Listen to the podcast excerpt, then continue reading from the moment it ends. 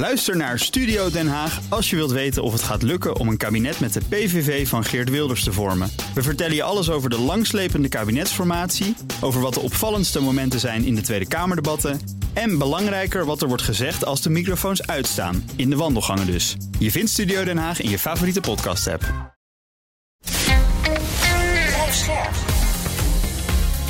BNR Nieuwsradio. Boekenstein en de Wijk. Hugo Reitsma. Dit is een extra uitzending van Boekenstein en de Wijk in verband met de oorlog in Oekraïne en de crisis met Rusland. Het is donderdag, dag 274 van de invasie. En luisteraar Mees Schenk vraagt ons. De Fransen menen dat zich moeten voorbereiden op een conflict van hoge intensiteit in Europa. In het kort moeten de troepen zich klaarmaken voor een serieuze oorlog op het eigen continent. Daisy. Vreselijke kat. Ehm, met grote aantallen manschappen en zwaar materieel, al dus een artikel in Trouw. Delen de heren deze angst van de Fransen en moet Nederland het voorbeeld van Fransen volgen en dus ons leger ook voorbereiden op zo'n conflict? Nou ja, weet je, eh, een goede vraag. Uh, kijk, eh, wat dit is, is uh, dit is een document dat is uh, gemaakt en dat bevat eigenlijk strategische richtlijnen voor de defensiewet van 2024 tot 2030 dus uh, dat werkt in Frankrijk iets anders uh, dan bij ons, maar daarin wordt vastgesteld wat er allemaal moet uh, gaan gebeuren met de krijgsmacht. Nou, er staan tien punten in, ik zal ze niet allemaal aflopen, maar bijvoorbeeld versterking van de nucleaire defensie. toen destijds Macron dit, die richtlijnen heeft gepubliceerd, het eerste wat hij deed was naar de nieuwe uh, nucleaire onderzee, onderzeeën van, uh, van Frankrijk gaan om nou, kennelijk dat punt te maken. Maar de nucleaire defensie die moet dus worden versterkt, de afschrikking. Dan moet de conventionele strijdkrachten die moeten worden versterkt. De cyberweerbaarheid die moet worden versterkt. De industrie moet worden versterkt. En de inlichtingenpositie van Frankrijk moet worden versterkt. Er moet binnenlandsies komen tegen hybride oorlogsvoering. Hybride oorlogsvoering betekent niet alleen uh, bijvoorbeeld uh, de, de inzet van, van cyberwapens, maar ook waar we het gisteren over hadden, de inzet van vluchtelingen als wapen. Ja. Dus dat is precies de reden waarom Poetin zo hard bombardeert op de elektriciteitsvoorziening, om ervoor te zorgen dat die mensen gewoon het land uitvluchten. Dus er is een hele trits aan dingen die gedaan moet, moet worden. Nou, Frankrijk is van oudsher een land dat het voortouw neemt op het gebied van Europese defensie. Mhm. Dus ze moeten wel. Ze moeten enorm ook investeren, net zoals allerlei andere landen, net zoals Nederland, in hun uh, defensie, omdat de afgelopen 30 jaar dat schromelijk is uh, verwaarloosd. Ze hebben nog wel iets, maar het is allemaal te weinig. Mhm. Dus je krijgt nu een discussie over hoeveel moeten we nou eigenlijk hebben. Nou, omdat artikel 5 weer in ere is gestel, hersteld. Dus een aanval tegen het NAVO-verdragsgebied is een uh, aanval door alle. Uh, zie je nu uh, dat men na denken is over hoe die dreiging eruit kan zien. Nou, we weten nu wat er gebeurd is in Oekraïne. Als dat tegen het NAVO-verdragsgebied gebeurt, dan moet je daar iets tegenover zetten. Dus je moet ook een grotere omvang hebben van de strijdkrachten van de uh, van, de, uh, van de NAVO-landen. Nou, dat is precies wat hier gebeurt. Dus dat is zeg maar de achtergrond van dit verhaal. Het interessante daarbij is dat, kijk, Frankrijk had altijd een presentie in Afrika. Hè? Daar hebben we het vaak over gehad. En ja, in de Sahel natuurlijk, hè, met name in Mali zaten ze, ook een beetje aan de Centraal-Afrikaanse Republiek. Mm Nou, dat hebben ze allemaal afgebouwd. Uh, en, en nu, dit is ook een soort ja, markeringspunt, hè, want het, ze bereiken zich dus nu voorbereiden op een conflict van hoge intensiteit in Europa. Ja, dat dus is dus artikel ja, 5. Hè? Dat is een aanval uh, door Rusland. Ja. Ja. Dus Afrika is minder, minder belangrijk. Hè?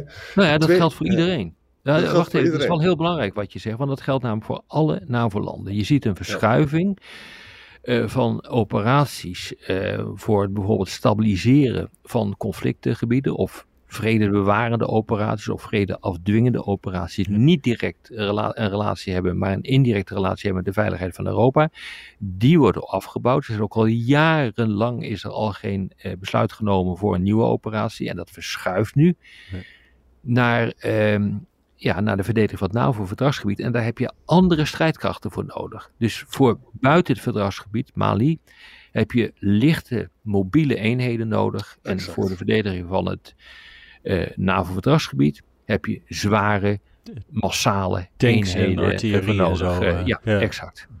En dat is dan misschien ook meteen het antwoord op de vraag: geldt dat ook voor Nederland? Ja, Ja, ja, natuurlijk. Ik bedoel, Ja. dat is helder. Maar deze discussie begint nu te lopen. eh, want eh, vorige week heeft in Halifax een eh, bijeenkomst plaatsgevonden. Waar ook Austin, de minister van Defensie van eh, Amerika, sprak. En die zei precies hetzelfde. Die zei: wat we nu zien. Eh, het gedrag van eh, Rusland in Oekraïne, maar ook het gedrag eh, van China ten opzichte van Taiwan, dat is echt een voorproefje van de toekomst. Dus wij moeten ons voorbereiden op grotere conflicten. Wat ik ook interessant vind, Macron heeft deze nieuwe strategie dus aangekondigd op een amfibisch aanvalsschip, de Dixmude, in de grote marinehaven van het Zuid-Franse Toulon. Hè.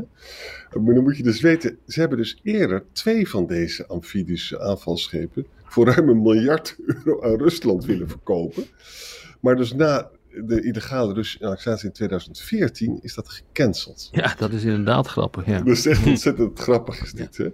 Nou, verder, de- die conflicten van hoge intensiteit heeft Rob allemaal uitgelegd. hè. En wat ze dus nu gaan doen, ze gaan dus in het zuiden gaan ze dus oefenen met een bruggenhoofd. Hè. Dan moet ik al een beetje denken weer aan de Tweede Wereldoorlog. Hè.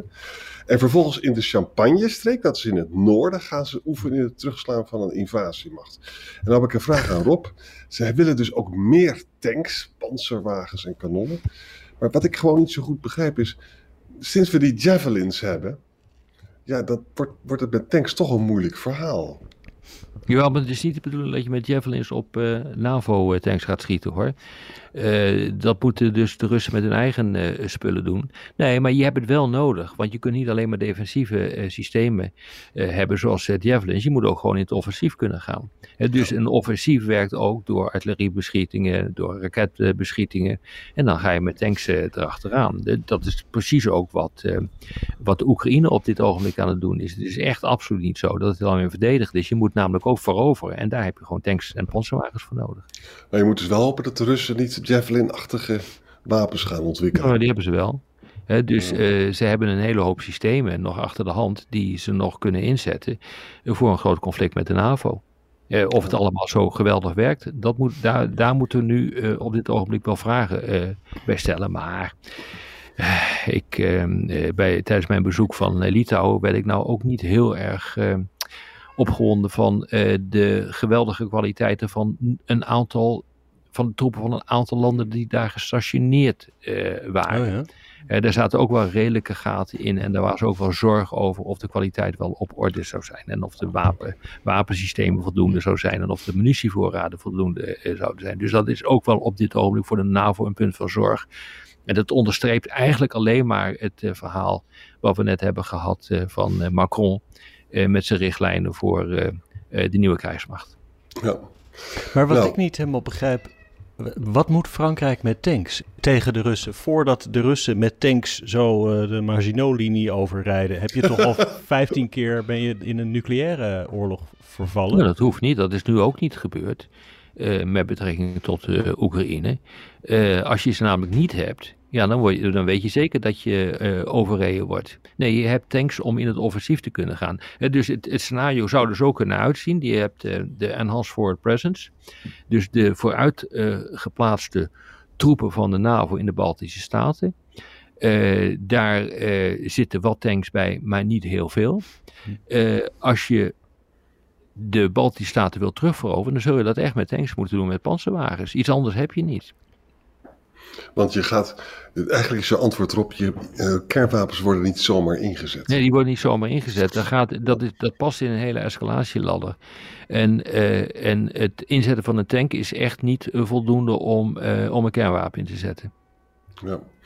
Nou, een dag na, dat, na, na Macron's speech in die marinehaven van Toulon, hè, zat dus het ministerie van Defensie in Parijs met de vertegenwoordigers van de wapenindustrie.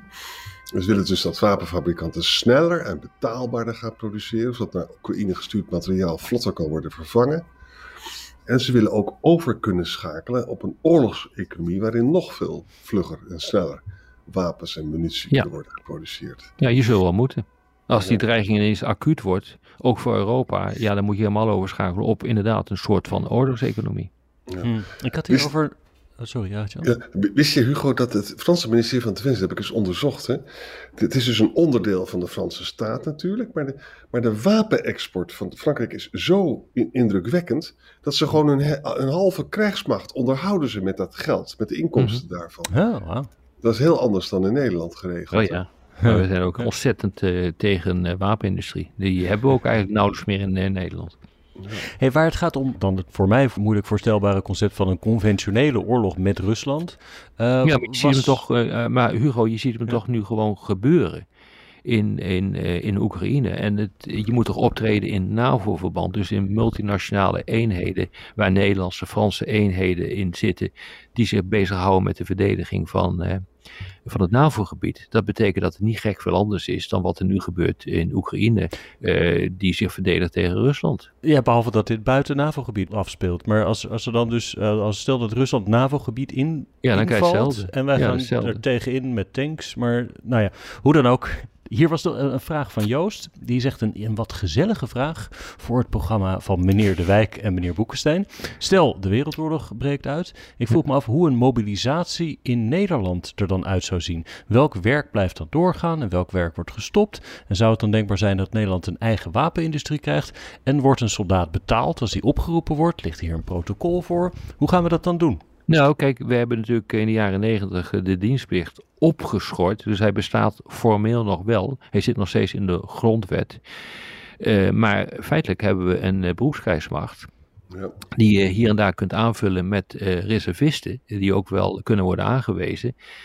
Maar een beroepskrijgsmacht is in tegenstelling tot een een uh, dienstplichtige of een kadermilitie-krijgsmacht, dus een dienstplichtige krijgsmacht, een buitengewoon uh, kleine organisatie. Mm -hmm. En die, dat besluit om er een beroepskrijgsmacht van te maken, is direct gerelateerd aan het feit dat je de mensen die worden uitgezonden naar operaties buiten het NAVO-gebied, dus ergens in Afrika of ergens in Azië, al die operaties die we de afgelopen decennia hebben gezien, ja, je kunt dienstplichtigen daar niet voor gebruiken tegen hun zin. Die kunnen dat altijd weigeren. Beroepsmilitairen, uh, die tekenen ergens voor. En je zit dus nu met een krijgsmacht, ja, die feitelijk te klein is uh, voor de dreiging die gaat ontstaan. En je moet dus nu dat hele systeem uh, van, van reservisten, moet je opnieuw tegen het licht gaan houden. En dit is een probleem voor bijna alle Europese landen. Ik weet nog goed dat toen de oude chef-generale staf Berlijn wegging, toen hield hij een pleidooi bij Nieuwsuur voor een uh, weer invoeren van de dienstplicht. Mm -hmm. en, en, ik was toen defensiewoordvoerder en ik heb, ik heb toen gezegd van, uh, dat ik me daar wel iets bij kon voorstellen. En toen was Henk Kamp was ontzettend boos op mij. Dat had ik nooit mogen zeggen. Want we hadden gekozen voor een professioneel leger en dat moest ook zo blijven. Ja. En, dat, en dat kan helemaal niet, dat we de dienstplicht weer invoeren. Maar ja, het probleem is natuurlijk wel dat je, als je dat geen kan wel, dienstplicht hebt... Ja. ja, het kan wel. Je kan het gewoon morgen invoeren als je dat zou willen. Want het is namelijk niet afgeschaft, de dienstplicht. Alleen je hebt geen materieel ervoor. Ja. Dus wat, wat moet je die mensen laten doen? Er zijn geen wapens, er is geen munitie en er is geen materieel. Dus ja, weet je, je kunt niet zo gek veel doen. Maar de afstand. Ja, dus het enige, wat je, het enige wat je kunt doen is bepalen hoeveel, uh, ik noem maar wat, hoeveel bataljons of uh, brigades je wil uh, hebben, hoeveel vliegtuigen je wil hebben, hoeveel je in reserve wil houden. Dan moet je een rekensom maken. Kan ik dat doen met mijn beroepsmilitairen en hoeveel mensen in reserve heb ik dan nodig? Dat is gewoon wat, wat, je, wat je moet doen. Heel, veel ingewikkelder is het niet. Alleen het is wel heel duur als je dan een zekere omvang wil krijgen. Want een beroepskrijgsmacht is ook gewoon heel erg duur. Ja, maar weet je, maar weet je wat het is? De afstand uh, tussen de samenleving en de krijgsmacht wordt groter als je een beroepsleger hebt. Hè? Hugo ja. verwacht gewoon niet een brief op zijn deurmat te krijgen. en dan word je ook nog in een tank gestopt, waarvan je denkt, waar hebben we nou eigenlijk voor nodig? nou, ja. ik denk overigens, ik heb geen dienstplicht gehad. Want toen studeerde ik, toen was het opgeschort. Jullie zijn denk ik, hebben dat wel gehad, toch? Nou, nou ik zou je een, een geheimje vertellen. Ik ben eruit gegooid vanwege vergaande ongeschiktheid voor de dienstplicht. En omdat ik mij totaal niet wilde aanpassen. En de grap was natuurlijk dat ik uh, later in mijn leven bij Defensie uh, ging werken. En daar de krijgsmacht uh, mee heb helpen om te vormen naar wat die nu is. Je bent vreselijk, Rob. Ja, Arjan, dat is wel heel, heel bijzonder hoor. Ben jij, heb jij wel dienstplicht gehad, Arjan? Nou, bij mij is het nog veel schandaliger. Het wordt tijd om dit op te biechten. ik, heb dus, ik, ik kom uit een gezin met drie sterke jongens, drie lange jongens. Hè?